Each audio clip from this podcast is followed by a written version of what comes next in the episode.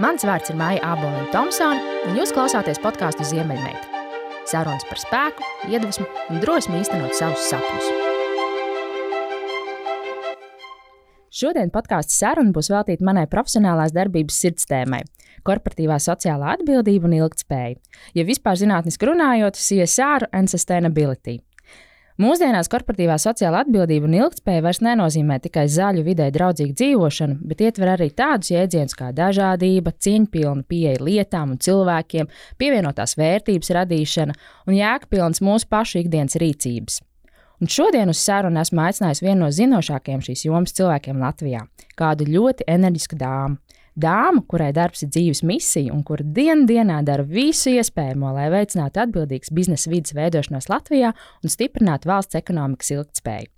Viņa tic, ka atbrīvojoties no aizspriedumiem, mēs katrs būtu veiksmīgāks.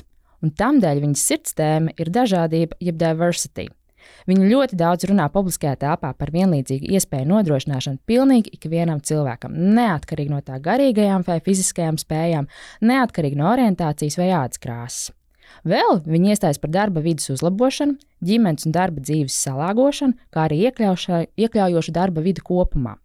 Un tā, dāmas un kungi, atbildīga biznesa aktīviste, dažādības eksperte, korporatīvās ilgspējas un atbildības institūta vadītāja, četru bērnu mamma Dace Helmane. Sveika, Dace! Sveiki! Saki, lūdzu, šķiet, ka šodien tā pasaule ir jaunu spēku sāk runāt par ilgspējas nozīmi uzņēmēju darbībām, par cirkulāro enerģiju, par zaļo domāšanu, par zero waste, korporatīvo sociālo atbildību un tā tālāk. Un, uh, Bet kā tā īsti situācija pie mums ir Latvijā? Mm, vai mēs būtībā dziļi sirdī dabas bērni esot, mēs vēl joprojām domājam biznesā, ka nomainot plasmas maisiņus pret uh, papīra maisiņiem, mēs esam izpildījuši savu korporatīvās atbildības misiju, jeb kā jeb uzņēmumi tomēr domā arī jau plašāk un ilgspējīgāk?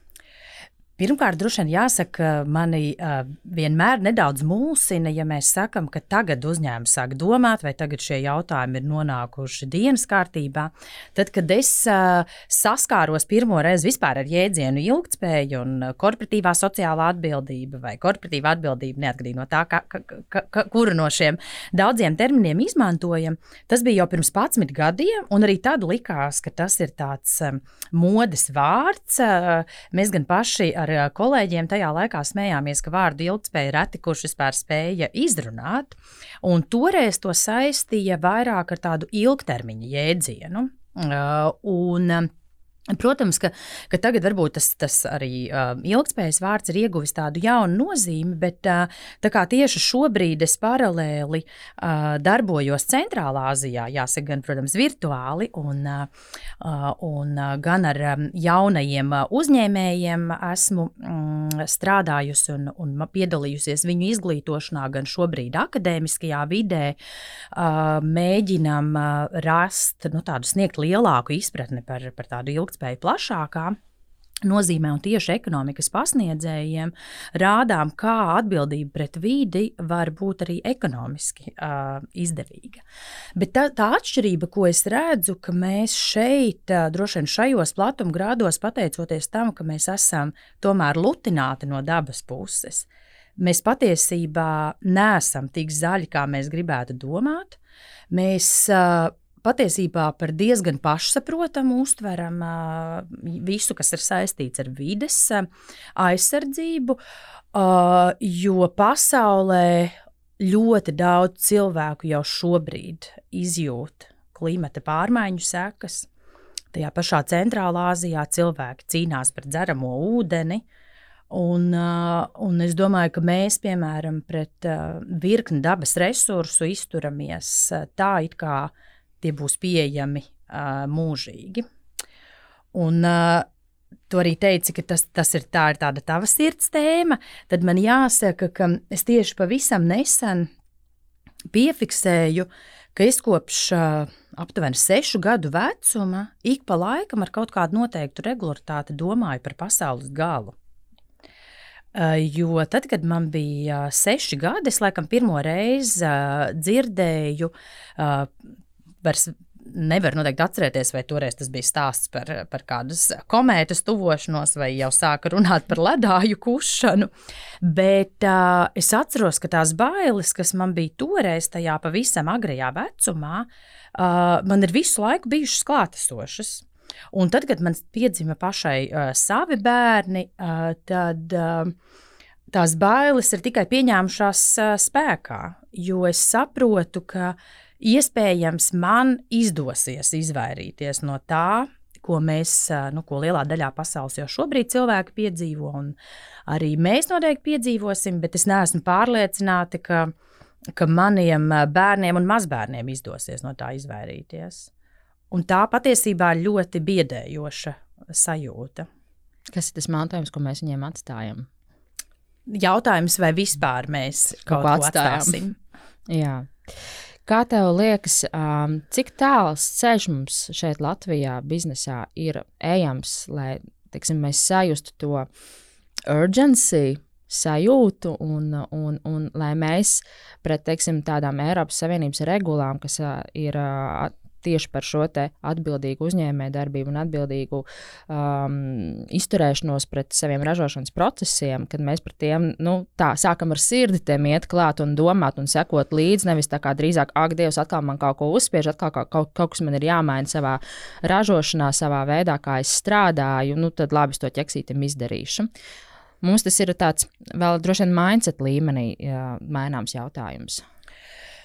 Protams, ka tā brieduma pakāpe dažādiem, dažādiem uzņēmumiem un droši vien arī mums katram tādā individuālā līmenī ir ārkārtīgi atšķirīga.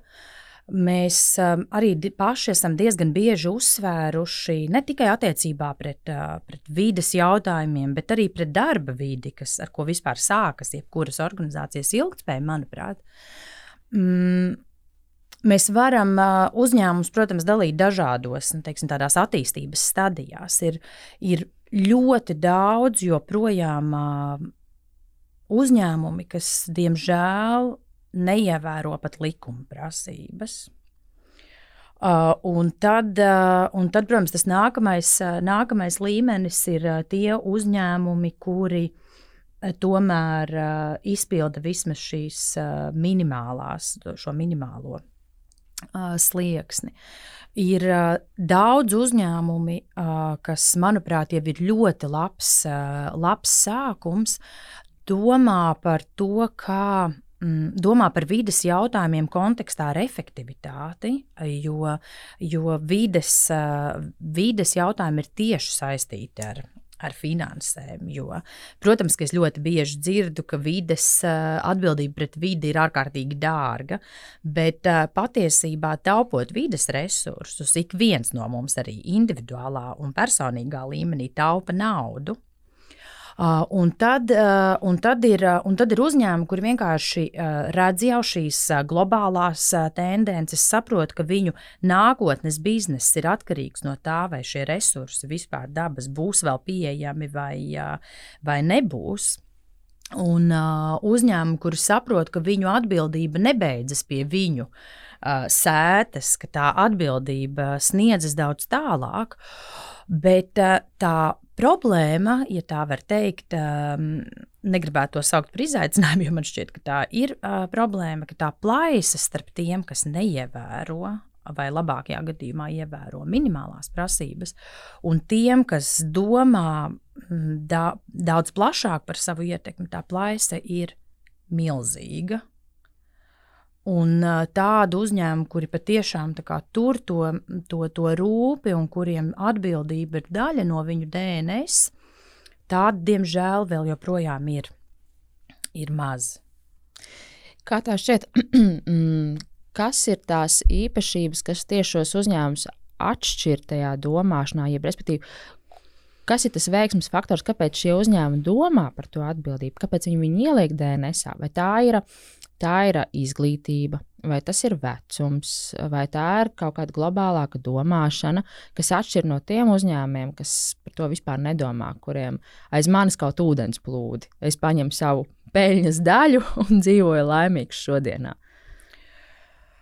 Bieži jautā, kuri uzņēmumi ir atbildīgāki, vai tie, kur ir kā, ar vietējo kapitālu, vai ārvalstu uzņēmumi, piemēram, globālas korporācijas, varbūt uz kurām arī dažādas nevalstiskās organizācijas rūpīgāk skatās un sako līdzi, vai, vai valsts kapitāla sabiedrības, privātais sektors. Kā, uh, cilvēki parasti grib kaut kā dalīt, nu, kā ieraudzīt, kuri tad ir tie, uz kuriem mēs varam skatīties kā atbildīgiem. Un, protams, ka ir jāsaka, ka, ka atbildīgi uzņēmumi ir gan starp maziem un uh, pilnīgi tādiem vietējiem uzņēmumiem, gan, gan lieliem un starptautiskiem. Es noteikti nevarētu iedot uh, nu, tādu vienotu uh, raksturojumu, kāds tieši, ku, kuri tieši uzņēmumi ir uh, varbūt šajā ziņā pārāki. Bet tas, ko es uh, Noteikti varu teikt, ka tas sākas ar vadību, tas sākas ar īpašniekiem, tas sākas ar uzņēmumu vadību, ar viņu izpratni.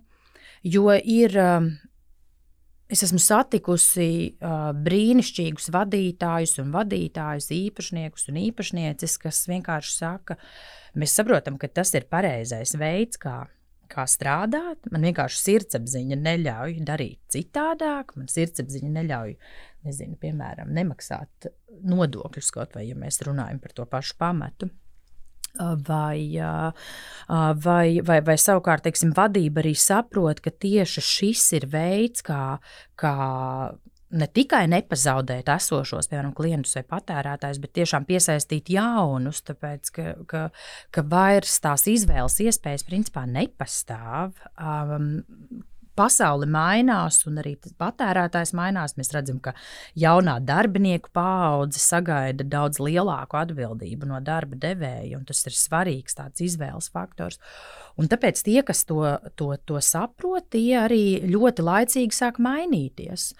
Un es vienmēr uzsveru, ka, protams, um, var jau gaidīt, kad uh, Eiropa vai, vai kāds cits uh, ieviesies regulējumu, vai gaidīt, kad patērētājs sitīs, nezinu, mums tur pie klauvēs pie durvīm un prasīs, kur, kur ir tas atbildīgi radītais produkts vai, vai pakalpojums. Bet, uh,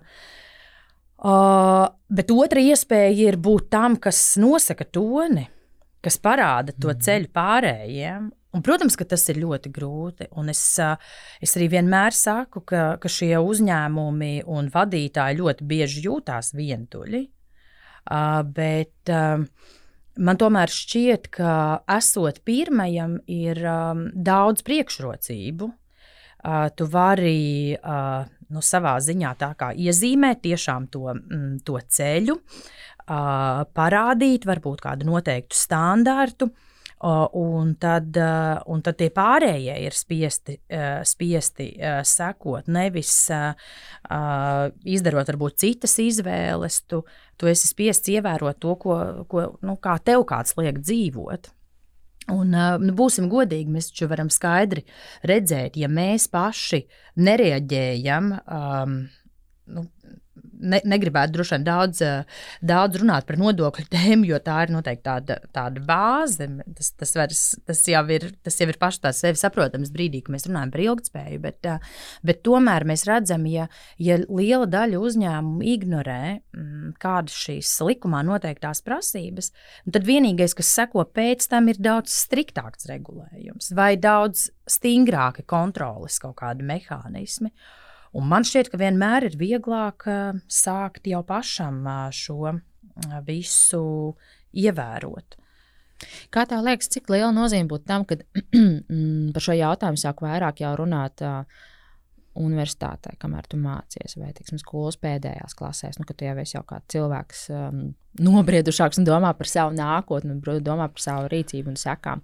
Jo, nu, ok, viena lieta tāda, ka nu, tie jaunieši prasa šo lielāku atbildību, viņi grib būt arī meklējot darba, darba devēju, uh, lai viņš ir stilīgs, lai viņš kaut ko dara foršu, lai viņš ir atbildīgs. Bet uh, vēl viena tā puse, ka tā, kad viņš pats kaut ko sāk darīt, viņš arī saprot, ka viņam tas ir jādara līdzi, un ka tur ir ļoti liels arī tas nu, pamata audzināšanas uh, jautājums.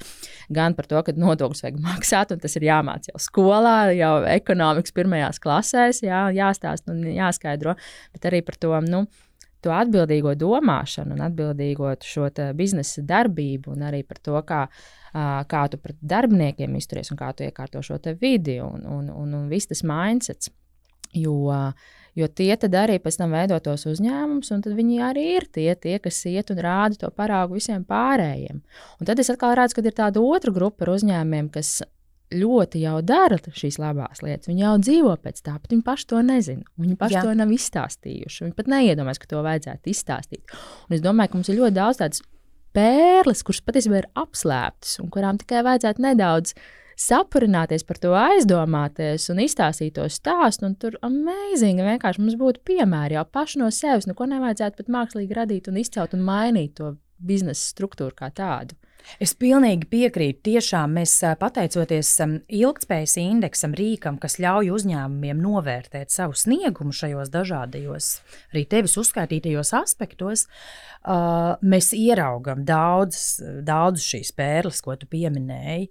Jo patiešām Īpaši tas ir raksturīgs uzņēmumiem vai, vai tādiem uzņēmējiem, kuriem, kurus mēs saucam par um, angļuiski par self-made, kas tiešām ir paši to sākuši, kurus, uh, kuri arī biznesā ir ar tādu savu to vērtību sistēmu.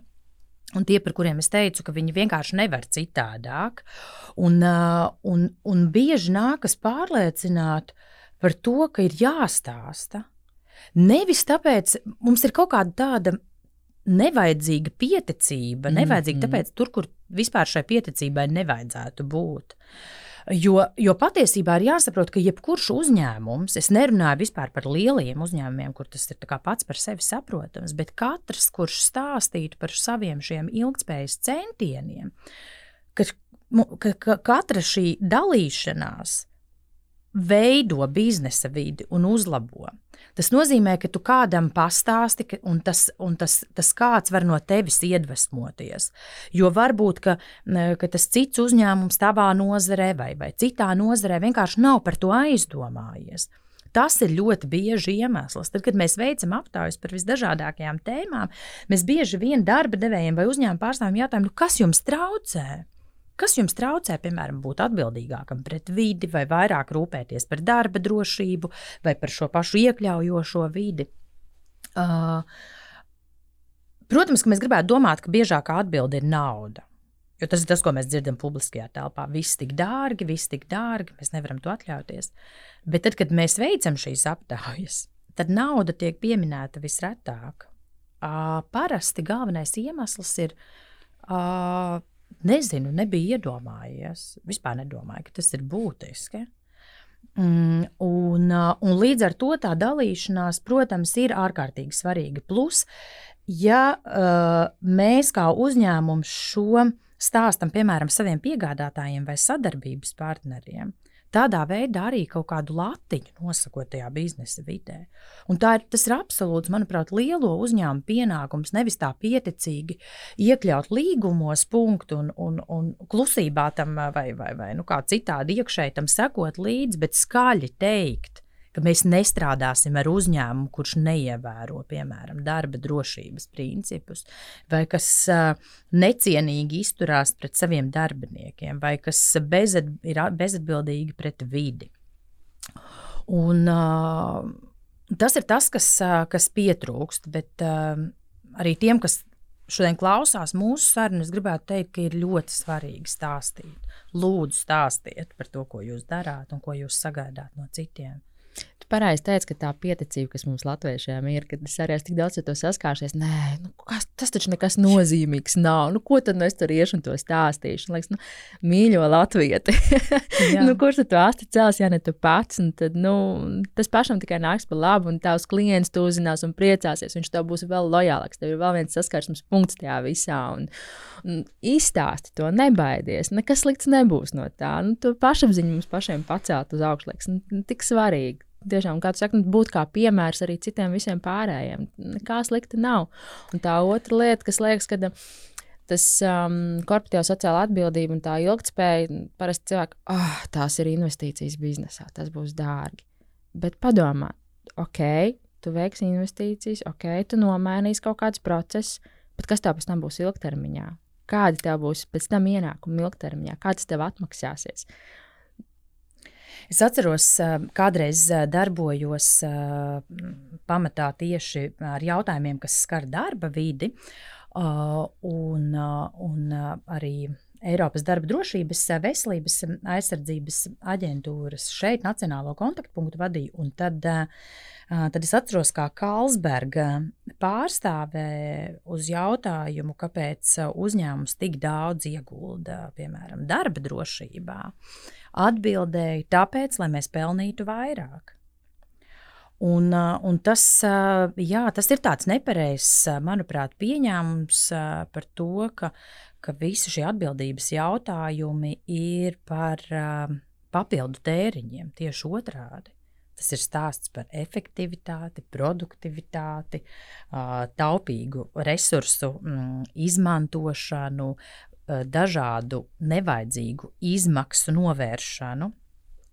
Un, un tas noteikti ir kaut kas, kas tieši, ja mēs runājam par biznesa vidi, izpratnes veidošanā būtu noteikti īpaši jāuzsver. Jo skaidrs, ka uzņēmējs, protams, domā tādā skaitļu um, izteiksmē, tas, tas, tas ir uh, svarīgi.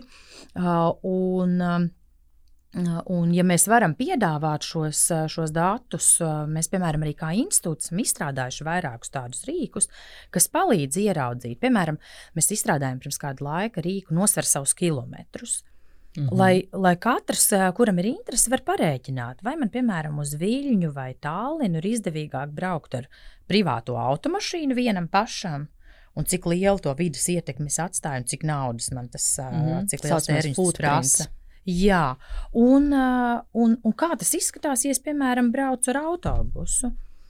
Uh, un, uh, vai, piemēram, uh, vietnē strādā vesels.CLV, mēs, mēs, mēs kopīgi mm, vairākas iesaistītās puses izstrādājam nelaimes gadījumu izmaksu kalkulātoru, lai parādītu, ka katrs vissīkākais nelaimes gadījums darbā rada milzīgas izmaksas uzņēmumam. Un tad tu saproti, ka tā ir nevis vairs, tas ir nevis vairs tēriņš, bet tas, ko tu dari darba vidas uzlabošanai, ir ieguldījums, lai nākotnē šie, šie, šos tēriņus novērstu. Bet runājot vispār par izpratnes veidošanu, Tu minēji skolas un, un augstskolas. Es teiktu, ka, ka jāsāk ir noteikti vēl agrāk. Tagad redzot, kā jaunā paudze, jau ar jauno paudzi, domāju, jau pavisam mazi bērni, cik viegli viņi šobrīd var piekļūt arī dažādai informācijai, mm -hmm. arī pateicoties sociālajiem tīkliem un tehnoloģijām. Man šķiet, ka tur jau tas ir tā izpratne ir jāveido ka, piemēram, bērnu dārzos ir jāšķiro atkritumi un jāmāca arī bērni, bērnus to darīt. Un tas pats arī skolā man kādreiz mājās pie sienas bija tāds. Šķiet, angļu sakām vārds neaudziniet savus bērnus, jo viņi vienalga izaugs līdzīgi jums, tāpēc audziniet sevi. Un, Un tas ir kaut kas, ko es uh, turpinu paturēt, uh, paturēt prātā. Tāpēc man, piemēram, tādā, tādā sabiedrības līmenī šķiet uh, ļoti. Uh, pat man, man ļoti patīk redzēt, ka pie uh, nu ne šajā laikā, protams, bet um, pirms uh, pandēmijas, ka pie lietoto preču uh, veikaliem ir uh, jauniešu rindas, ka šiem jauniešiem liekas pilnīgi uh, stilīgi un forši iegādāties lietotas lietas kurām ir kaut kāda cita vērtība. Protams, ka visticamāk viņus nevada, nevada doma par to, ka tādā veidā viņi taupīs mm -hmm. šos mhm. lielos resursus, ko Jā. tekstila nozare vispār patērē pasaulē.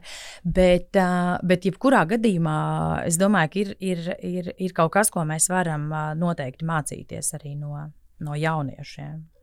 Man tā kā gribētos pat teikt, ka pandēmija patiesībā ir vēlreiz to visu aktualitāti pacēlus jaunā līmenī, jo nu, ar vien vairāk mēs par to runājam, ar vien vairāk mēs uz to skatāmies. Pasaulē ar vien lielāks spiediens nāk virsū arī uzņēmumiem, un kad arī mēs šeit, Latvijā, kas esam savā burbulī, zaļi, priecīgi cilvēki, kontaktā ar dabu dzīvojuši, kad nu, arī mēs sākam just to spiedienu, kad ir jāmainās. Ir tā uzņēmējdarbība jāmaina, ir tās prakses jāmaina, ir jādomā ilgspējīgāk, ir jādarbojas ilgspējīgāk. Un, un tas patiesībā nāk pa, lagu, pa labu. Un tā ir tāda, man liekas, ka šobrīd ir tāda laba izdevība, laba situācija. Nu, tad beidzot sāk tā kārtīgi ķerties un to sakārtot. Nu, tā informācija telpā ir daudz vairāk, kā viņa bija līdz šim. Un, un arī tā urgency sajūta ir, manuprāt, daudz lielāka, kāda viņa bija līdz šim. Bet uh, ar tam līdzi nāk mm, citas uh, lietas vai izaicinājumi, mm, kurus droši vien arī būtu svarīgi uh, neignorēt. Personīgi man uh, pēdējā laikā nedaudz. Es pat uh, kādam esmu teikusi, ka tā, tā arī ir tāda nedaudz biedējoša vai nedaudz skumja sajūta, ka saprotot, ka šis ir ļoti aktuāls jautājums, tam pievērš uzmanību sabiedrība, dažādas organizācijas. Uh, uh, palielinās arī nu, tādi saucamie mm, greenwashing arī mm -hmm. riski. Jo skaidrs, ka katrs jau grib būt tajā klubiņā. Viņi jau, nu, jebkurš droši vien no mums ziniet, aptaujās ar, ar sociāli vēlējumiem atbildēm. Neviens jau negrib teikt, ka es neesmu atbildīgs pret vidi. Un, un tu jau gribi pateikt, ka tu to dari, bet, um, bet dažkārt līdz tai reālai darīšanai tur ir nu, diezgan tāls ceļš ejams. Un, tāpēc, tāpēc tas, ko, ko, ko es tieši arī redzu vides jomā, ka mums tomēr ir virspusēja izpratne, jo mums liekas, nu tā tad mēs pāriesim no piemēram, plastikāta maisiņa uz papīra, un tā būs vidē draudzīgāka izvēle. Vai, piemēram, iegādāsimies nevis plasmasas, bet stikla pudelē dzērienu. Bet aiz tā ir tāds liels informācijas apjoms un uh, droši vien arī nepieciešama kritiskā domāšana, lai saprastu, ka tik vienkārši nevar skatīties un pieņemt, ka, ka tagad es ar savu audumu maisiņu esmu atbildīgāks nekā cits. Piemēram, cilvēks, kas man veiklā blakus kasē stāv un kur, kurš izmanto plastikātu maisiņu. Tāpēc, ka mm, ir jāsaprot, kas ar šīm lietām notiek. Lai saražotu audumu maisiņu, ir vajadzīgs nesalīdzinām vairāk resursu kā plastikāta maisiņa izgatavošanai. Ļoti daudz resursu. Tā skaitā ūdens, kas, piemēram, pasaulē trūkst. Jautājums, kas ar šo plastikāta maisiņu tiek izdarīts pēc tam? Ja tas nonāk uh, vienkārši atkritumu poligonā vai nedod dievs uz ielas vai, vai okeānā vai tam līdzīgi. Protams, auduma maisiņš būs šajā ziņā daudz labāka izvēle, turklāt tas tiek bieži lietots.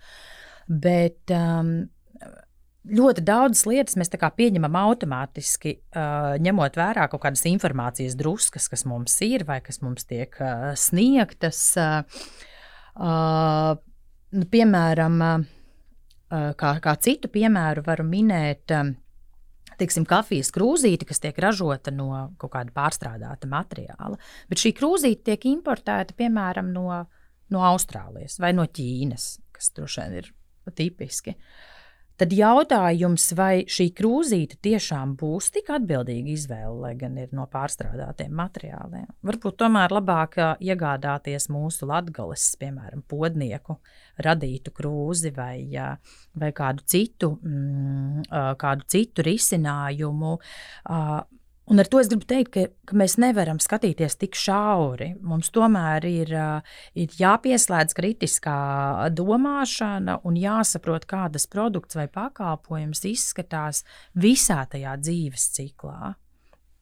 Un, nu, droši vien līdz tam uh, ir liels ceļš ejams, bet tā atkal ir uzņēmuma atbildība stāstīt saviem patērētājiem uh, un, uh, un viņus izglītot.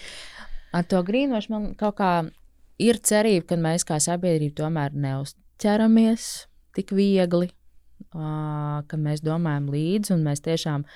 Ja kāds uzņēmums izziņo, ka, hei, tagad mēs tagad esam zaļie, paskatieties, mums te ir papīra maisiņi, vai mums te kafijas krūzītēm ir papīra vāciņi, jā, un ka, nu, mēs skatāmies plašāk un dziļāk, un ka tāds no konteksta izņemtas lietas mūs nenopērk. Un, Un tam ir jābūt tajā stratēģijā, uzņēmuma stratēģijā iekšā. Tu nevari ar vienu roku dot papīra krūzīti, papīra vāciņu, bet ar otru roku darīt pavisam kaut ko pilnīgi citu. Nu, mēs tomēr arī esam cilvēki gudri un kritisko domu, un tur man ir tā ticība, jā, tāpēc, ka tāpēc, uh, es pasmēju par tādām grīnošu kampaņām, daudz citu apkārt arī pasmēju, un tad pienāk brīdis, kad uzņēmums pieķer, ka viņš nav maksājis nodokļus, Aha, nu un izrādās, ka tā papīra krūzīte nemaz nav tik ļoti papīra, kā, kā mums tiek pasniegts. Patiesībā Jā. mēs beigās ar šo papīra krūzīti neko nevaram izdarīt, jo Jā. viņa neierakstās papīra atkritumu uh, tajā kategorijā. Un tad ir iztērēti resursi. Mēs kā patērētāji esam arī nu, izdarījuši to izvēli par labu šim, bet beigās izrādās, ka tas ir vēl ļaunāk nekā tad, ja, ja tā varbūt būtu bijusi tomēr plastikāta krūzīte, kas pēc tam tiek arī uh, attiecīgajā šķirošanas konteinerā nodota. Un tāpat tās ir arī ar šiem zaļajiem uh, brandiem, ja, kas it kā ir zaļi, audzēti, it kā nenormāli veselīgi, bez pesticīdiem.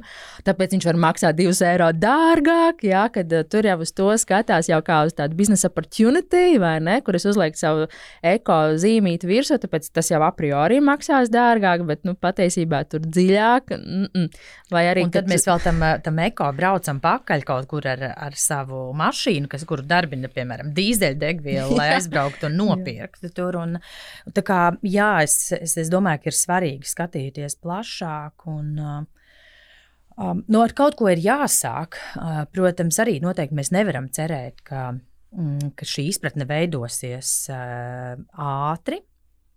Bet, uh, bet es domāju, ka ir virkni tādu pozitīvu iezīmju. Nu, vienīgais uh, nav vairs laika Tas ir tas, kas, kas uztrauc. Un arī runājot par, par pandēmiju, papīra patēriņš pasaulē turpina pieaugt, neskatoties uz to, ka, ka mēs visi kļūstam tik zaļi un, un domājam par resursiem, un nedrukājam, un, un e-dokumenti un dažādi citi, mm, citi risinājumi nu, to mēs arī redzam dažādajās šajās internetu piegādēs, cik milzīgs uh, iepakojuma apjoms mums tiek piegādāts mm -hmm. reizē ar šo uh, varbūt pat uh, ļoti atbildīgi radīto produktu. Mm -hmm.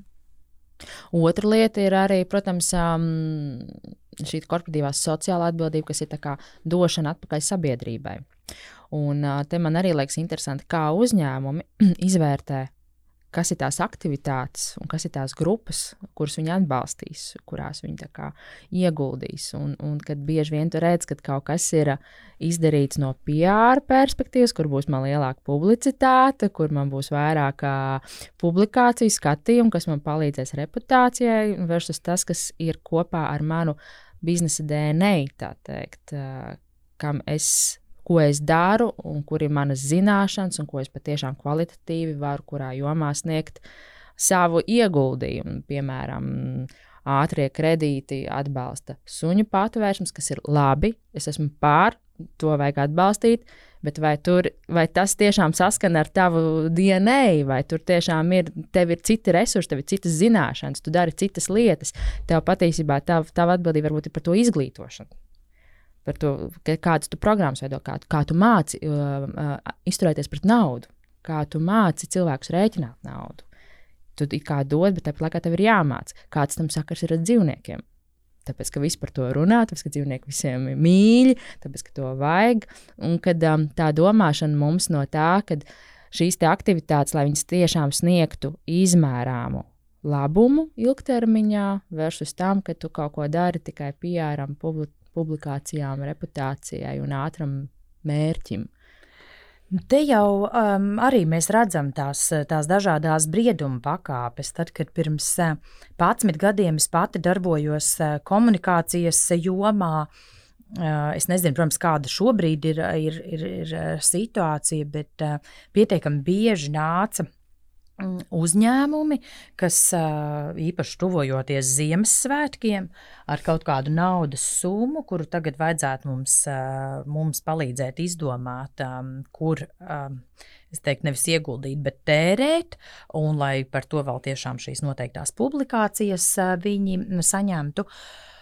Es gribu domāt, ka kopumā tā situācija ir pa šiem gadiem uzlabojusies Bet uh, es piekrītu, ka joprojām ir uh, uzņēmumi, kas arī uz šo skatās nevis kā uz ieguldījumu, lai tiešām risinātu vai nu kaut kādus savus esošos uh, biznesa riskus, vai ilgtermiņu, piemēram, saistībā ar to pašu trūkstošo darba spēku. Uh, uh, bet uh, kuriem tas ir būtiski, nu, mm, kuriem ir būtiski tikai izdarīt kaut ko tādu, ko cilvēki tā sagaidītu no viņiem, kur viņi varētu uzspodrināt droši vien savas spalvas vai karmu, karmu uzlabot. Bet es atceros, pirms desmit gadiem aptuveni man bija, mēs organizējām virkni dažādu uh, pasākumu saistībā ar šo tēmu. Es atceros, ka uh, man bija sarunas ar dažādiem būvniecības nozares uzņēmumiem, kas ļoti aktīvi tajā laikā sponsorēja sporta pasākumus. Un, un es mēģināju kā, to diskusiju sākt par.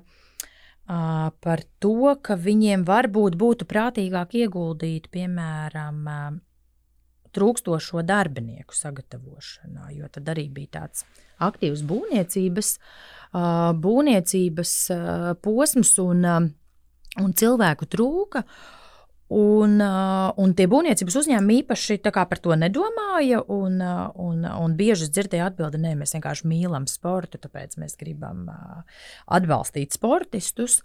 Un tad, protams, tas likās dīvaini. Tagad mēs atkal redzam, ka tomēr um, nu, ne tikai būvniecībā, daudz kur citur trūks darbinieku. Un uh, patiešām tagad, pēc desmit gadiem, uzņēmumi ir uh, nu, vismaz šajā jomā iesaistījušies un apzinājušies, ka tā ietekme viņiem ir un ka viņi var kaut ko mainīt un nevar gaidīt, uh, ka šos jaut visus jautājumus atrisinās valsts.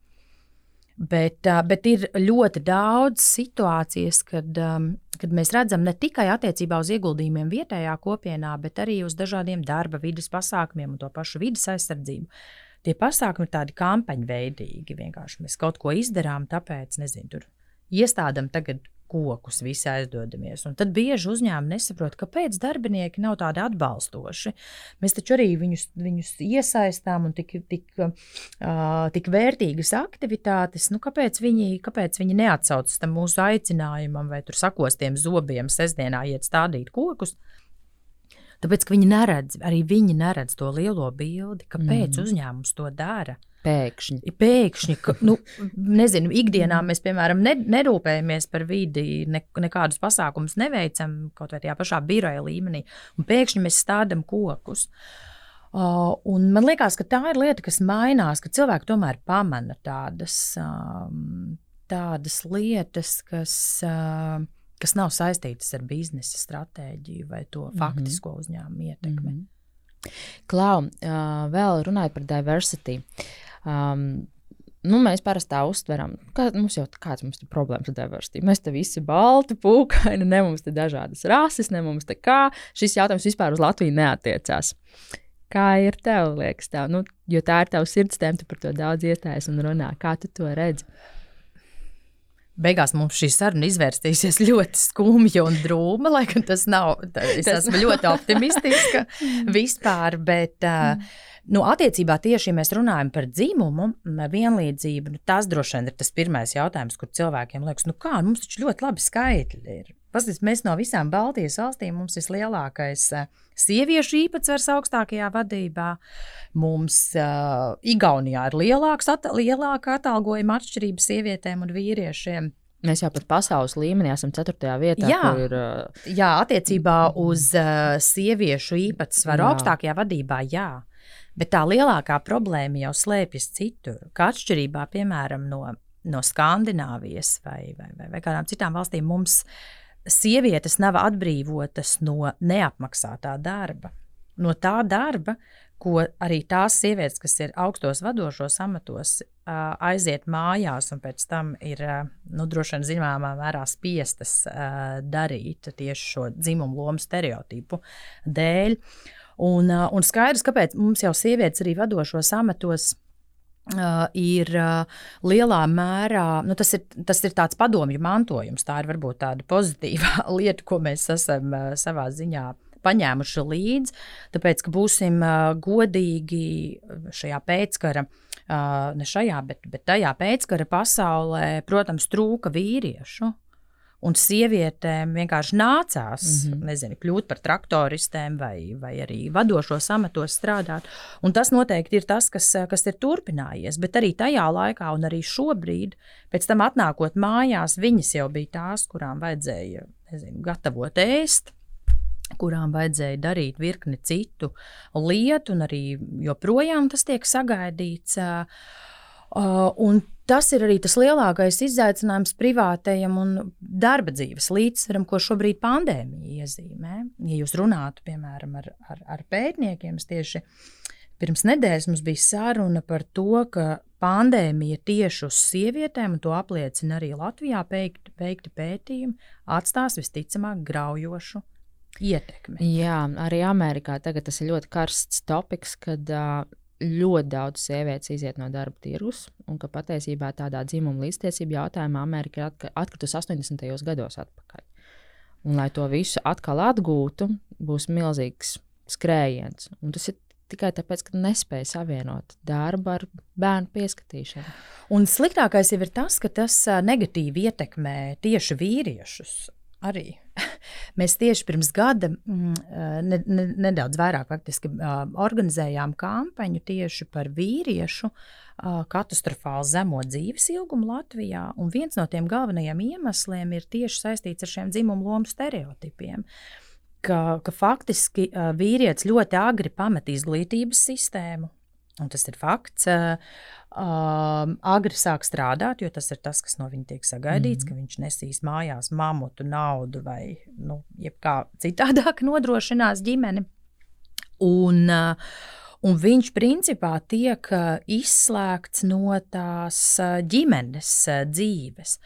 Un arī pasaulē pētījumi rāda, ka, piemēram, precēti vīrieši dzīvo ilgāk, Uh, arī tas ir, tas ir fakts. Uh, Kaut vai tāpēc, ka ir tie, nu, tā, tā papildus kaut kāda jēga tajā brīdī, kad beidzas, kad viņš beidz, piemēram, strādāt šo algoto darbu vai, vai vispār nu, kaut kādu iemeslu dēļ nav vairs tas ienākumu guvējs. Viņš, viņš ir iesaistīts ģimenē un viņam nezūd dzīves jēga un arī uz viņa pleciem netiek uzkrauta pārāk liela atbildība, kas savukārt visā pasaulē noved pie ļoti augsta vīriešu pašnāvību uh, skaita. Um, jā, tas ir par, par, par, par dzimumu uh, vienlīdzības tēmu, bet, protams, tas ir tikai viens no dažādības mm. jautājumiem. Ir, ir ārkārtīgi daudz, uh, daudz citu. Un, kā tu minēji, protams, mums Latvijā varbūt arī vēsturiski mēs neesam tomēr uh, piedzīvojuši, lai gan mums ir dažāds etniskais sastāvs bijis, tomēr nav bijušas šīs rasu atšķirības. Un iespējams, tāpēc mēs tomēr uh, esam aizspriedumaināki nekā, nekā citi, uh, citas uh, pasaules uh, valstis, uh, kur tomēr vēsturiski Vēsturiski tomēr cilvēki ir piedzīvojuši tādu, tādu dažādību šajā, šajā kontekstā. Un, un atkal jau viens ir, protams, mana sajūta, otrs, ko mums rāda konkrēti pētījumi. Un konkrēti pētījumi rāda, ka, piemēram, darba devēji Latvijā ir ārkārtīgi aizspriedumaini. Un, um, Un darba devēji nav gatavi pat uh, pie nosacījuma, ka šie potenciālie darbinieki ir, uh, ir spējīgi veikt tos konkrētos pienākumus, ka viņiem ir nepieciešamā kvalifikācija. Veselu virkni cilvēku nav gatavi pieņemt darbā.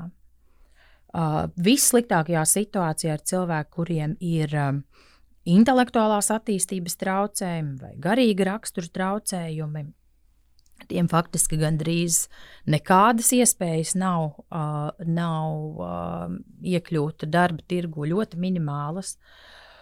Un, uh, un tad ir arī virkne citu jautājumu, tā skaitā arī cilvēku seksuālā orientācija kurai, manuprāt, nevajadzētu būt nekādam sakaram ar darba pienākumiem. Mm -hmm. ja, protams, veselības stāvoklis, nu, mēs saprotam, ka tas kaut kur var ietekmēt uh, uh, darbu, un, uh, un, protams, tas prasa varbūt arī kaut kādus ieguldījumus līdz cilvēku sagatavošanā, lai varētu strādāt. Ar nu, tomēr tādu salīdzinoši specifisku darbinieku grupu, tad, uh, tad man grūti iztēloties, kā jebkādā veidā cilvēka dzimuma identitāte vai seksuālā orientācija varētu ietekmēt uh, veicamo darbu. Un, uh, un šeit tie skaitļi, manuprāt, tomēr ir.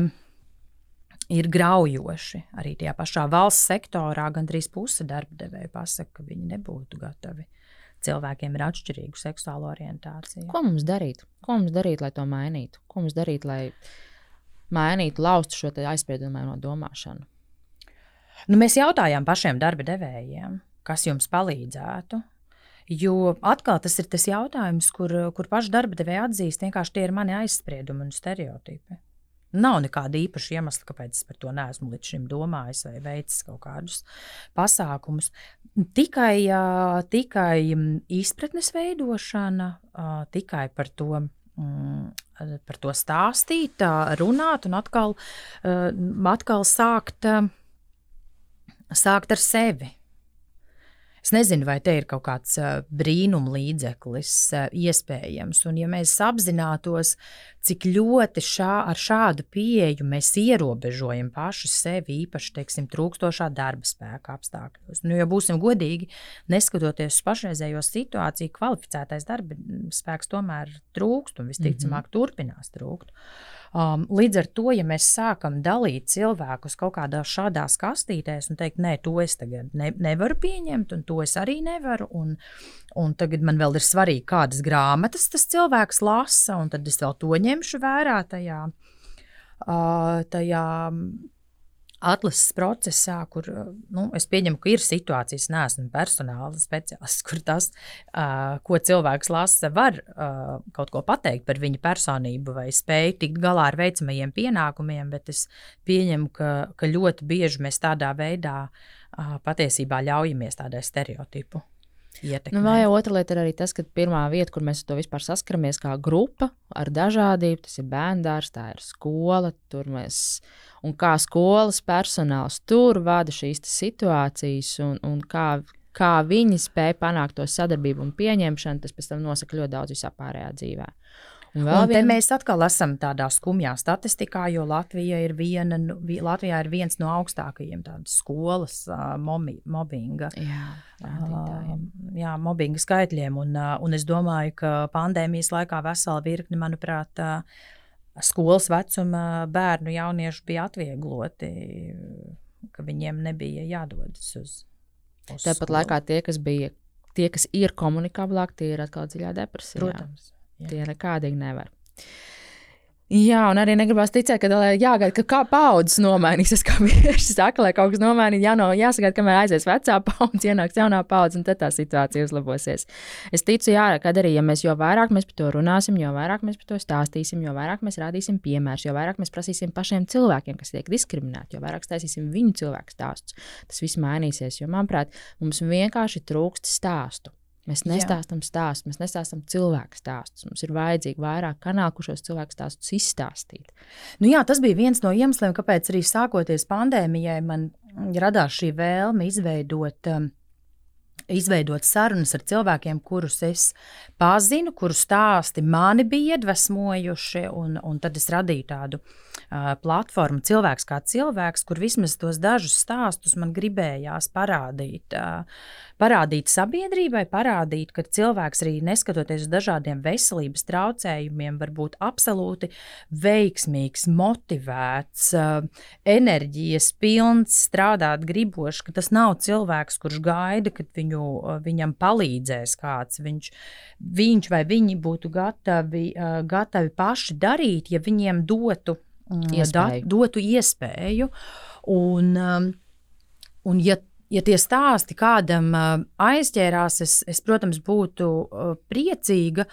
Un, un tas, ko es redzu ģimenē, kā jā, man ir četri bērni, un, un vecākajam dēlam ir 15 gadi. Un, protams, ar viņu visbiežāk ir sarunas par šīm tēmām. Un, un es domāju, ka viņš jau visticamāk arī pats sevi pieskaita tādam pasaules pilsonim. Jo, protams, ka vairs šiem jauniešiem vairs neeksistē robežas. Uh, Un viņš mani ļoti bieži audzina. Gan par, um, par seksismu, Man aizrāda dažkārt, kad es, protams, varbūt nu, pati vairāk, vairāk varbūt kādreiz jokojot, jokojot kaut kur vairāk norādu uz sievietēm vai vīriešiem, bet arī viņa izpratni par dažādiem jautājumiem, nu, piemēram, mums bija situācija, kad mēs braucām mašīnā un tā kā bija brīvroku sistēma ieslēgta, man zvanīja kāda paziņa, un mēs beidzām sarunu, un dēls man jautāja, Uh, nevis pat jautāja, bet drīzāk norādīja, ka šai manai sarunu biedrenei bija tāda nedaudz dīvaina balss aizsmakusi, uz ko es viņam uh, sāku skaidrot, ka jā, patiesībā viņa piedzima kā vīrietis, un tad viņa visu mūžu sevi jūt kā sievieti, un tagad viņa kā, realizē sevi šajā dzimuma identitātē un, un, un sāk viņam tā kā tā, netaisnoties, varbūt, bet nu, jā, skaidrot noteikti. Un tad dēls man tādā, tādā pilnīgā neizpratnē jautāja, kāpēc viņam to visu stāstu, ka nav taču būtiski, kāda ir cilvēka dzimuma identitāte. Tieši tie bija viņa vārdi, un tas ļoti iepriecina, ka, mm. manuprāt, liela daļa jauniešu vairs nedomās šādās kategorijās, un tiešām cilvēkus neliks kaut kādās kastītēs, nevajadzīgās. Tā ir, tā ir. Viņi ir daudz brīvāki. Viņi daudz brīvāk, viņi daudz vieglāk komunicē, viņi daudz vieglāk uztver dažādas lietas, viņi nepieķerās un patiesībā arī strādāt ar tiem Gen Z, kas ienāk šobrīd darba tirgu. Es saprotu, ka tev no tādām aizspriedumām lietām un vispār kaut kādiem pieņemtām, neatrunātām normām ir vienkārši jāatsakās, jo tas viņiem vienkārši nestrādā. un viņi baigi māca mūs, baigi māca. Un patiesībā tā darba vidē tev ir tā, ka tev drīzāk jāpieskaņojas viņiem, nevis viņiem mums un, un, un tā brīvība, ko viņi savā ziņā iedod. Protams, reizēm kaitina tas lid, liderīgums un, un, un emocijas, un tad, tas, ka tu viņam nespēji uzticēties. Bet, nu, tev jāspēj viņam uzticēties, bet šodien viņš ir arī tā, viņš nav. bet, bet tas labais, ko viņi dod, viņi iedod tādu nu, domu brīvību. To, nu, hei, nu, viss taču ir forši patiesībā. Par ko mēs te ķepamies? Kāda aizsprieduma? Nu, ko es te ņemties? Tas taču ir normāli. Un tas jau normāli caur viņiem baigi forši iezīmē. Bet arī tas, ko tu, piemēram, pieminēji par šiem, par šiem jaunajiem cilvēkiem, kuri no rīta atnāk, tad viņi pusdienlaikā saprot, ka tomēr viņi nevarēs savu dzīves jēgu šajā darba vietā uh, īstenot, un tad viņi vienkārši aiziet. Un, tu pat neuzzini, ka viņš īstenībā ir izlēmis vairs nestrādāt. Jā, tu viņam to pavaicā, kur tu paliki. Jā, nē, viss, es jau esmu citur jā. kaut kur. un, uh, un, jā, es arī esmu dzirdējis no darba devējiem, viņi saka, kāda dzīves jēga, es taču tev pieņēmu darbā, un tu pieteicies, nezinu, tur cept, piemēram, kotletes, burgeriem, kāda, kāda dzīves jēga. Bet atkal no otras puses, varbūt. Um, Varbūt arī tas ir kaut kas, ko mums vajadzētu mācīties. Tā, nu, tā kā mierīgāk tvert lietas. Jo, jo, protams, ka, ka, ka tā darba vide ir ļoti mainījusies. Ja mana tante, mm, kas, kas bija dzimusi 20. gadsimta sākumā, viņa visu mūžu strādāja vienā uzņēmumā un ar to lepojās. Un, mm -hmm. Un tad, kad viņa jau tādā cienījamā vecumā aizgāja no šīs dzīves, protams, ka tas uzņēmums pat viņai īsti paldies nepateica, vai ne, vai kaut kā. Um, un tad, uh, un, un, Un tagad jaunā paudze tik brīvi pret to izturās. Man liekas, tas tāpat kā ar bērniem ir jāpieņem, ka viņi mums nepieder. Mm -hmm. Un arī darbinieki mums nepieder. Un visā pasaulē jau šobrīd, vismaz, un es domāju, līdz ar pandēmiju, vēl lielāka daļa, uh, vismaz trešdaļa darbinieku jau strādā pie dažādiem darba devējiem. Piemēram, es nevarētu iztēloties, protams, ne, nekad nedrīkst teikt, nekad, bet um, būt saistītai varbūt kaut kā tikai ar kaut kādu vienu lomu. Liekas, ka mums tagad tehnoloģijas un, un, un vispār kopumā darba vide dod tik daudz iespēju. Mm -hmm ka gribas būt gan tur, gan vēl, vēl teiksim, izglītot cilvēkus kaut kur ārpus Latvijas. Tagad, pateicoties pandēmijas ierobežojumiem, to bez problēmām var darīt. Es varu no rīta septiņos vadīt mācības centrālā Azijā, pēc tam aizvest bērnus uz dārziņu, un tad, un tad vakarā teiksim, tikties ar kaut kādiem projekta cilvēkiem um, Ungārijā. Man liekas, tas ir, tas ir brīnišķīgi. Un es arī aizvien biežāk dzirdu no darba devējiem, ka, ka cilvēki labi apmaksātos uh, amatos, uh, ļoti apmierināti ar esošo darbu. uh, lūdz darba devējam iespēju strādāt vēl, Vēl kaut kur citur, jā. jā, darīt kaut ko citu. Vienkārši tāpēc, lai druscīt paplašinātu savus apvāršņus un, un um, jā, nezinu, varbūt īstenot kādas citas savas tās profesionālās arī, arī Talantus. talantus. Jo jā. mēs jau ļoti daudz runājam par to, ka vairāk karjeras neiet vertikāli, karjeras tagad jau iet horizontāli. Un ka tu izplaties, un tu iekāp vienā laukā, tu iekāp otrā laukā, un tu mēģini piepildīt sevī dažādus šos savus talantus, un tā nopaļoties, tā teikt, un uh, pilnveidot visus savus talantus un iespējas. Bet, Klauta, es pati teikusi, ka um, es esmu sieviete, sieva, māma četriem bērniem un vadītāja, un es izvēlos darbu un ģimeni. Kur tev ir tā work-life balance formula? Kā tu to salāgo? Uh, nu, man liekas, ka ir svarīgi pirmkārt uh, šo secību ievērot, uh, to, ko tu tikko atskaņoji. Jo tad, kad es pirmdienās plānoju savu nedēļu, tad es sarakstu, sarakstu uz lapas savas lomas. To lomu kļūst aizvien vairāk, bet es tomēr mēģinu tās lomas sarakstīt. Un es uh, nodefinēju, kas tajā konkrētajā nedēļā, man tajā konkrētajā lomā ir būtisks. Nu, piemēram, uh, vispirms kā sievietei. Uh, kaut vai tik elementāras lietas, pieraksts pie friziera, pieraksts pie, pie manikīra, mm, nezinu, ārsta apmeklējums vai uh, nezinu, pieteikšanās kaut kādām mācībām. Uh, grāmatas iegāde, jebkas, kas ir tikai mans. Un es uzreiz varu teikt, ka šīs lietas, sākoties nedēļai, es parasti izdaru vispirms. Mm. Un tad, kad liekas, tad, kad man kādreiz ir traucējums, kā tev ir laiks tur pie manikīra nokļūt, man taču tur viens mazs bērns ir un man nav laika. Nu, man liekas, ka vienmēr ir būtiski saprast, vai tas vispār man ir svarīgi vai nav.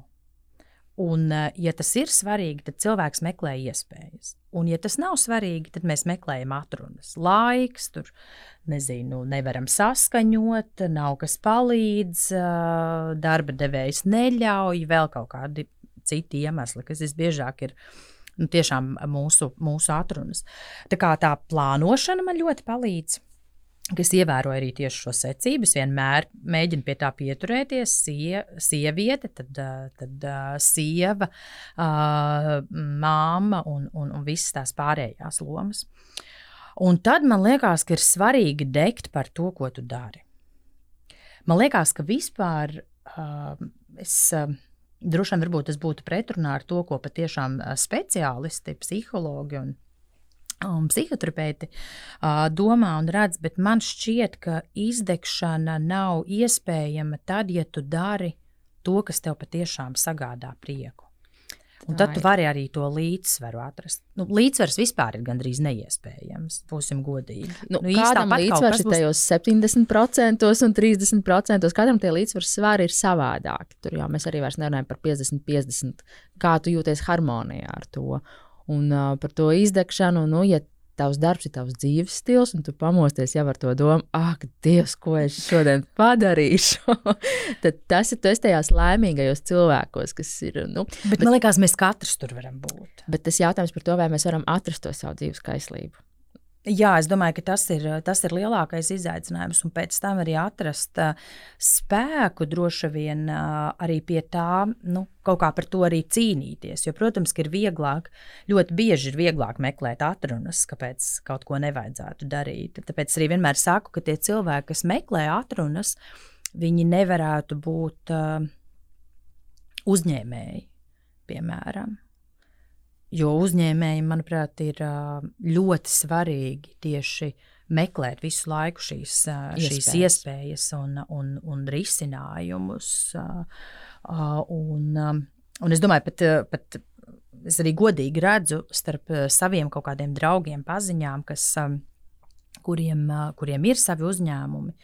Es redzu, ka, ka vienā gadījumā tā attīstība ir iespējama, tāpēc ka cilvēks visu laiku meklē um, iespējas darīt kaut ko, un tad ir, ir, ir tomēr citi mm, tie, tie gadījumi. un Es pieņemu, tāpēc arī Latvijā arī tik liels ir tas, to uzņēmumu īpatsvars, kas uh, nespēja noturēties pārāk ilgi biznesa vidē, tāpēc ka Uh, tāpēc, ka meklē atrunas, nevis, nevis risina. Tu arī saki, ka um, sasniegumiem uh, ļoti liela nozīme ir drosmei. Lai gūtu sasniegumus, jābūt arī drosmīgam. Ko tev dzīvē nozīmē drosme un kā tu saproti drosmi? Šis ir ļoti uh, sāpīgs jautājums, ja tā drīkst teikt, tāpēc ka tas ir mans lielais izaicinājums bijis. Es pieņemu saistībā droši vien ar, ar audzināšanu, jo es vienmēr esmu arī bijusi teicamniece, un manī ir tāds teicamnieces sindroms, kas, um, mm, kas reizē man uh, laupa drosmi tajā ziņā, ka tev ir uh, jāiet. Um, pret, uh, pret straumi. Man varbūt nav grūtība iet uh, pret, uh, pret straumi. Ne par, ne, tas nav par to tik daudz, bet uh, es ļoti daudz domāju par to, ko. Uh, kā citi varētu uztvert kaut kādas perfekcionismu lietas. lietas jā, jā. Un, uh, un tas, jā, šādā ziņā tas ir tas teicamnieces, jeb tāds perfekcionistes uh, sindroms, kas laupa laiku Un man bieži vien ir jāatgādina, ka reizēm ir svarīgi sākt darīt. Sākt un tad uh, domāt uh, uh, par to, kā to, piemēram, pilnveidot vai, vai, vai, vai, vai um, darīt, darīt labāk, jo man šķiet, bet es, es gribu domāt, ka tas ir kaut kas, ar ko es esmu jau salīdzinoši veiksmīgi tikusi galā, bet man tas ir prasījis diezgan daudz laika, mm, sevis izprašanas, klausīšanās citos. Man ir bijuši apkārt cilvēki, kas man ir motivējuši izkāpt no, tām, no tās komforta zonas. Un, jā, man, man šķiet, ka šobrīd jau es esmu tajā, tajā stadijā, kad es saku vienkārši darām, es saku jā, un, un tad es domāju, jo, ja, ja, ja mēs mēģināsim katru no lietām, kur mēs iesākam jau pašā sākumā novest līdz pilnībai, nu, tad es domāju, mums nebūtu ne, ne, ne iPhone, ne, ne daudz citu vērtīgu, vērtīgu rīku. Un, un arī uh, tik daudz zināmu vārdu, ja viņi jau būtu mēģinājuši jau pašā sākumā radīt kaut ko pilnīgi uh, nevainojamu. Izdomātu, pārdomātu. Ja jā, iespējams jā, izdomāt pilnīgi jā. visu. Un, jā. un es uh, lēnām secinu, ka tas, uh, tā esmu pamanījusi, ka tas ir tas, kas man cilvēkos uh, sāk kaitināt.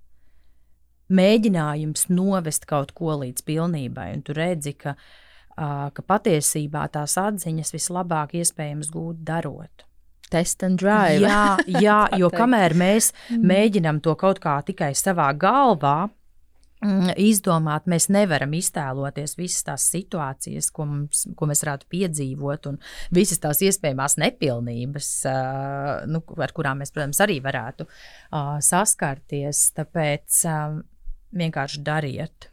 Sāciet. Tas ir par to. Un ka... savulaik man Uldis Pīlēns, kad es lūdzu ierakstīt viņam mm, autogrāfu viņa uh, grāmatā, uh, un viņš man jautāja, nu, par ko, ka, ko, ko, ko kādu, kādu novēlējumu lai, uzra, lai viņš man uzraksta. Es viņam teicu, noteikti kaut ko par drosmi mm. uh, vai par bailēm. Tad viņš, uh, viņš ierakstīja, ka, ka drosme ir, um, ir vienīgais, ko nevar notēlot. Bet to var iemācīties. Jā, Jā, un es, es tam noteikti arī varētu būt viena no uh, lieciniecēm un ar, ar šo dalīties. Jā, tas noteikti mācīties. arī iet roku rokā ar to mm, sajūtu, ja redz, tu teici, tev bija grūti kaut ko iedot, jo tu domāji, kā to uztvers citi. Un, ja kāds pasakā, ak, Dievs, kas tas ir, un pēc tam tā paša šausmīšanas sajūta, nu kā es tā, nu, tas, tā kauna sajūta, ka tev no tās ir jātiek galā, un ka tā drosme iet tur savā ziņā roku rokā ar to kaunu sajūtu, ka jo lielāka aug drosme, jo mazāk tas kauns paliek, un atkal otrādāk. Un tā ir arī tā vientulība, ko es minēju. Tas, tas ir uh, par to, ka kādā brīdī uh, mums var nākties uh, būt uh, vientuļiem vai vieniem ar to, kam mēs, uh, kam mēs ticam. Man šķiet, ka, ka visi, kas ir radījuši kaut ko jaunu, uh, nu, ir vismaz uz brīdi jutušies nesaprasti vai, uh, vai, vai kaut kā uh, droši vien arī, arī pamesti vai tādi grūtsirdīgi.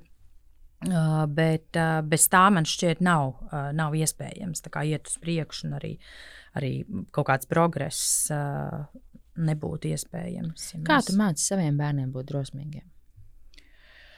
Pirmkārt, protams, es ļoti daudz domāju par to, kā es jutos bērnībā. Un es viņus tik ļoti uh, neierobežoju, es viņus cenšos, un man šķiet, ka gandrīz nemaz es pat nevaru tā iztēloties. Es viņus nekauninu. Uh, un, uh, un man, svari, man liekas, svarīgi viņiem iedot pārliecību. Uh, sakot, ka viņi ir vislabākie, man viņi ir vislabākie, man viņi ir visgudrākie, visdrosmīgākie. Nu, Tas ir kaut kas, ko man, man vienkārši šķiet, ka es to arī vairāk varu šobrīd redzēt ar vecāko dēlu, jo, jo ar nākamajiem bērniem tā starpība ir lielāka. Viņš šobrīd jau ir tādā nopietnā pusauģa vecumā, varētu teikt, jau mēs esam izgājuši tai pusauģa smagajai krīzei uh, cauri, un es redzēju, cik. Uh, cik svarīgi tai drosmei ir justies, just aizmuguri mājās. Jo bija situācijas, par kurām es satraucos, ka tās varētu raisīt kaut kādu izsmiešanu skolā, Uh, un vienaudžu vidū, nu, piemēram, fakts, ka, ka Krišāņa tētis ir mm, nu, jau tādā nopietnā vecumā, un es zinu, kā manā laikā skolā mēdz izsmiet bērnus, kuriem bija jau, jau tādi vecāki, vecāki. Un es jāatzīst par to ļoti satraucos. Un tad, kad es ar viņu par to mēģināju runāt, par to, kā viņš, kā viņš tur jūtās, vai, un, vai tā nav kaut kāda veida problēma klasē, tad es sapratu, ka viņš ir tik pārliecināts un viņš tik droši jūtās mājās, ka viņam nav problēmu stāties pretī uh, tai uh, nu, kaut kādai varbūt iespējamai klases biedru reakcijai. Un tas lika man saprast, ka vienīgais, ko es varu darīt, ir izveidot to drošo vidi, drošo vidi mājās. Drošo aizmuguri. Jā, jo arī uh, droši vien psihologi varētu mm, apstiprināt, ka uh, ka arī konflikti mājās ir tajās ģimenēs, kur cilvēki jūtās droši. Jo, ja mēs nejūtamies droši, mēs, mēs neteiksim neko. Mm. Tāpēc arī darba devējiem, kuri saka, ka vardarbība un vispār vienlīdzības, kaut kāda vienlīdzības izaicinājuma mūsu darba vietā nav problēma. Mums neviens darbinieks nav sūdzējies, tātad mums viss ir kārtībā. Un es vienmēr saku, ka iespējams tas liecina tieši par to, ka ir problēmas un cilvēki baidās. Jā, tā ir kultūra un tā ir vide, kurā vienkārši mēs nejūtamies īsti. Mēs baidāmies par savām kļūdām, mēs baidāmies atzīties, mēs baidāmies iznākt gaismā, tā teikt. Jā, tāpēc, jā, tāpēc tikai ar sevi. Var, var Klau, tev vēl Instagramā bija tāds ļoti foršs ieraksts. Es nekad neatceros, cik man ir gadi, un tā nav koķetērija. Man tas vienkārši neliekas būtiski. Nozīmē tikai tam, ko izdevies paveikt un sasniegt. Tad jautājums, kas ir tas, ko tu vēl gribi sasniegt? Jo, liekas, ne, pirmkārt, es vēlreiz gribu apstiprināt, ka tiešām man vienmēr, tagad, piemēram, tu, šo, šo nolasīju, un es do, tiešām sāku domāt, cik man ir gadi. Man vienmēr ir jāizrēķina. Oh, nu viens no maniem tagad tādiem sapņu projektiem ir izveidot ilgspējas parku. Parku? Jā. Un tas ir saistīts ar vietu Lielvārdes pusē, kas ir mūsu dzimtas īpašums. Mans vecvectēvs, kuru es neesmu satikusi, bija savulaik teicis, ka, ka par šo vietu cilvēki vēl runās. Un, un tagad kad, kad, kad man vecāki šo izstāstīja, un to viņa, viņa sapni, es tikai tagad sapratu, ka iespējams ka tas, ko es esmu uzsākusi darīt, tiešām palīdzēs uh, nu, kaut kādā veidā piepildīt to viņa, viņa vīziju, kas viņam bija pirms, pirms simts gadiem.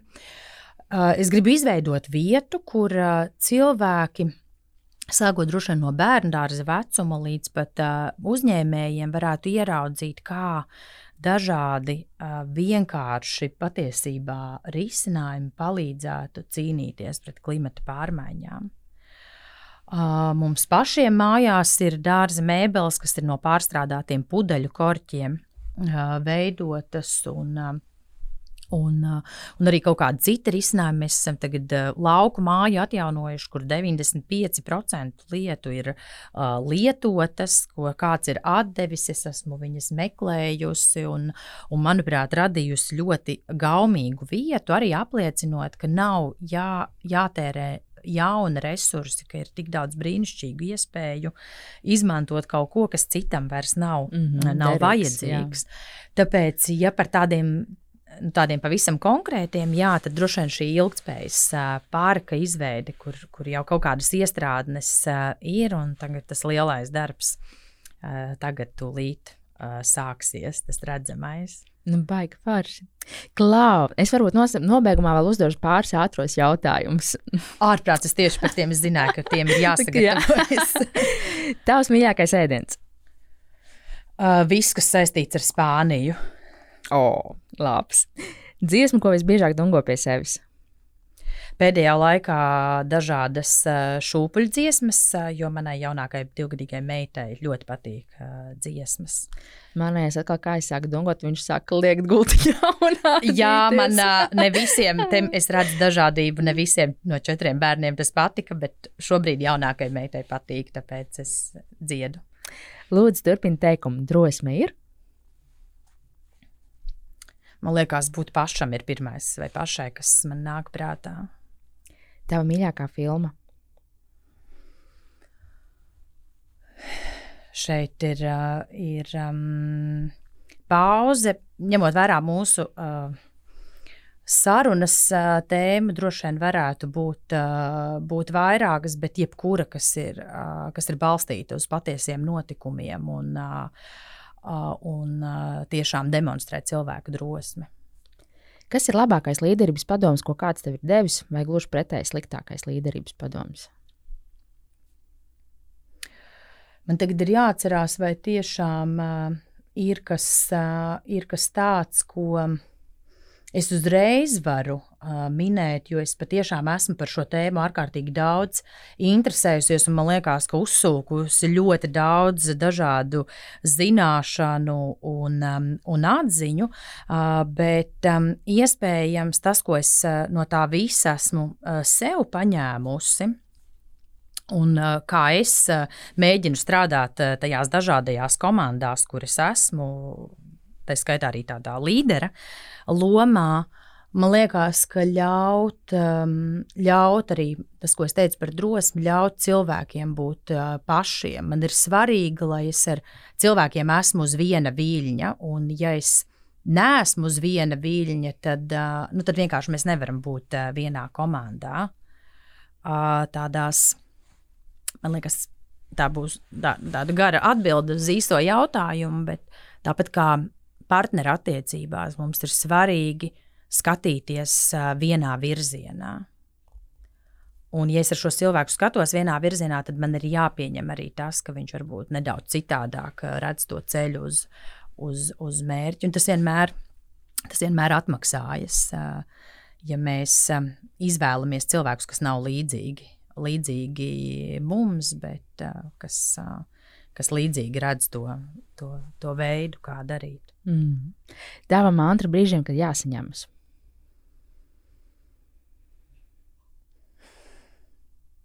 Nezinu, man liekas, ka es parasti esmu tik enerģiska, ka es pat uh, nekādu tādu mantru neizmantoju. Man liekas, vienkārši ir svarīgi darīt arī tad, kad, uh, kad liekas, ka es nevaru vienkārši kaut ko darīt. Vienkārši mm, nekādas, nekādas meditācijas vai sevis tādas īpašas pārliecināšanas vai skatīšanās, nezinu, tur ugunī vai ūdenī vai kur citur. Nē, vienkārši sākt ar kaut ko. Tas tā kā ar, nezinu, kāpšanu kalnā vai, vai lielu projektu vai jebko citu. Mm, vienkārši spērt to pirmo soli. Tas gan jā. Nu tā, nu šodien mēs izrunājam tādas lielas tēmas. Uh, grūtas tēmas savā ziņā, tādas tēmas, kur mēs saprotam, ka ir ļoti, ļoti daudz ko darīt, un ir jādara, un nevar apstāties. Par to ir tikai vēl vairāk jārunā, un ir jāmeklē gan cilvēku stāsti, gan uzņēmumu stāsti, bet ar to labo cerību, ka uh, tiklīdz kā sāksim stāstīt, tā viss arī mainīsies un, un ies uz labu. Un kad uh, mēs esam tik unikālā vietā Latvijā, un mēs esam tik brīnišķīgi, radoši un, un jau zaļi domājoši, kas mums jau ir ieaudzināts no bērnības. Mums tas vienkārši tas jāturpina kultivēt tikai citā līmenī un par to stāstīt un rādīt un darīt ikdienā. Un, un te ir tāds lauks, ko darīt, un tik foršas lietas galvenais, ka šeit var sanākt. Kāds, kas mums atstāja to mantojumu mūsu bērniem. Un tas ir Tas ir tik brīnišķīgi, ja mēs to pareizi saprotam, mākam iznest un ieviest. Tā nākotne būs beigu foršā. Paldies, Jā, tev liels! Paldies! Paldies par šo sarunu! Paldies, ka biji kopā ar mums! Ja tev patika šodienas podkāstu saruna, lūdzu stāsti tālāk par to savējiem un dalies ar Ziemeļmeitu sociālos tīklos. Lūdzu, palīdzi podkāstam sasniegt tos cilvēkus, kuriem šīs sarunas varētu būt šobrīd vērtīgas. Un vispār es gribētu aicināt veidot foršu saturu kopā, lai katra saruna patiešām iedvesmas un pārdomu pilna mācību stunda mums visiem. Tāpēc raksti man personīgi savus ierosinājumus, kuru personību stāstus tu gribētu dzirdēt podkāstā. Ziemeļmeita dzīvo Spotify, Apple podkāstos un YouTube, kā arī, protams, Facebook un Instagram. Tiekamies tur! Ah, un vēl ieskaties arī blogā Ziemeļmeita TV.CLV. Tur plašāk runāja par līderības izaicinājumiem, par identitāti un drosmi, par līkločiem karjerā, par vecākošanos vienmēr sekot nedaudz plašāk par visu, ko pārnāja saviem viesiem šeit, podkāstā. Kārlis Skalbe ir teicis, pasaulē nav gala un debesīm nav malas. Īstā dzīve ir liela kā pasaule un augsta kā debesis.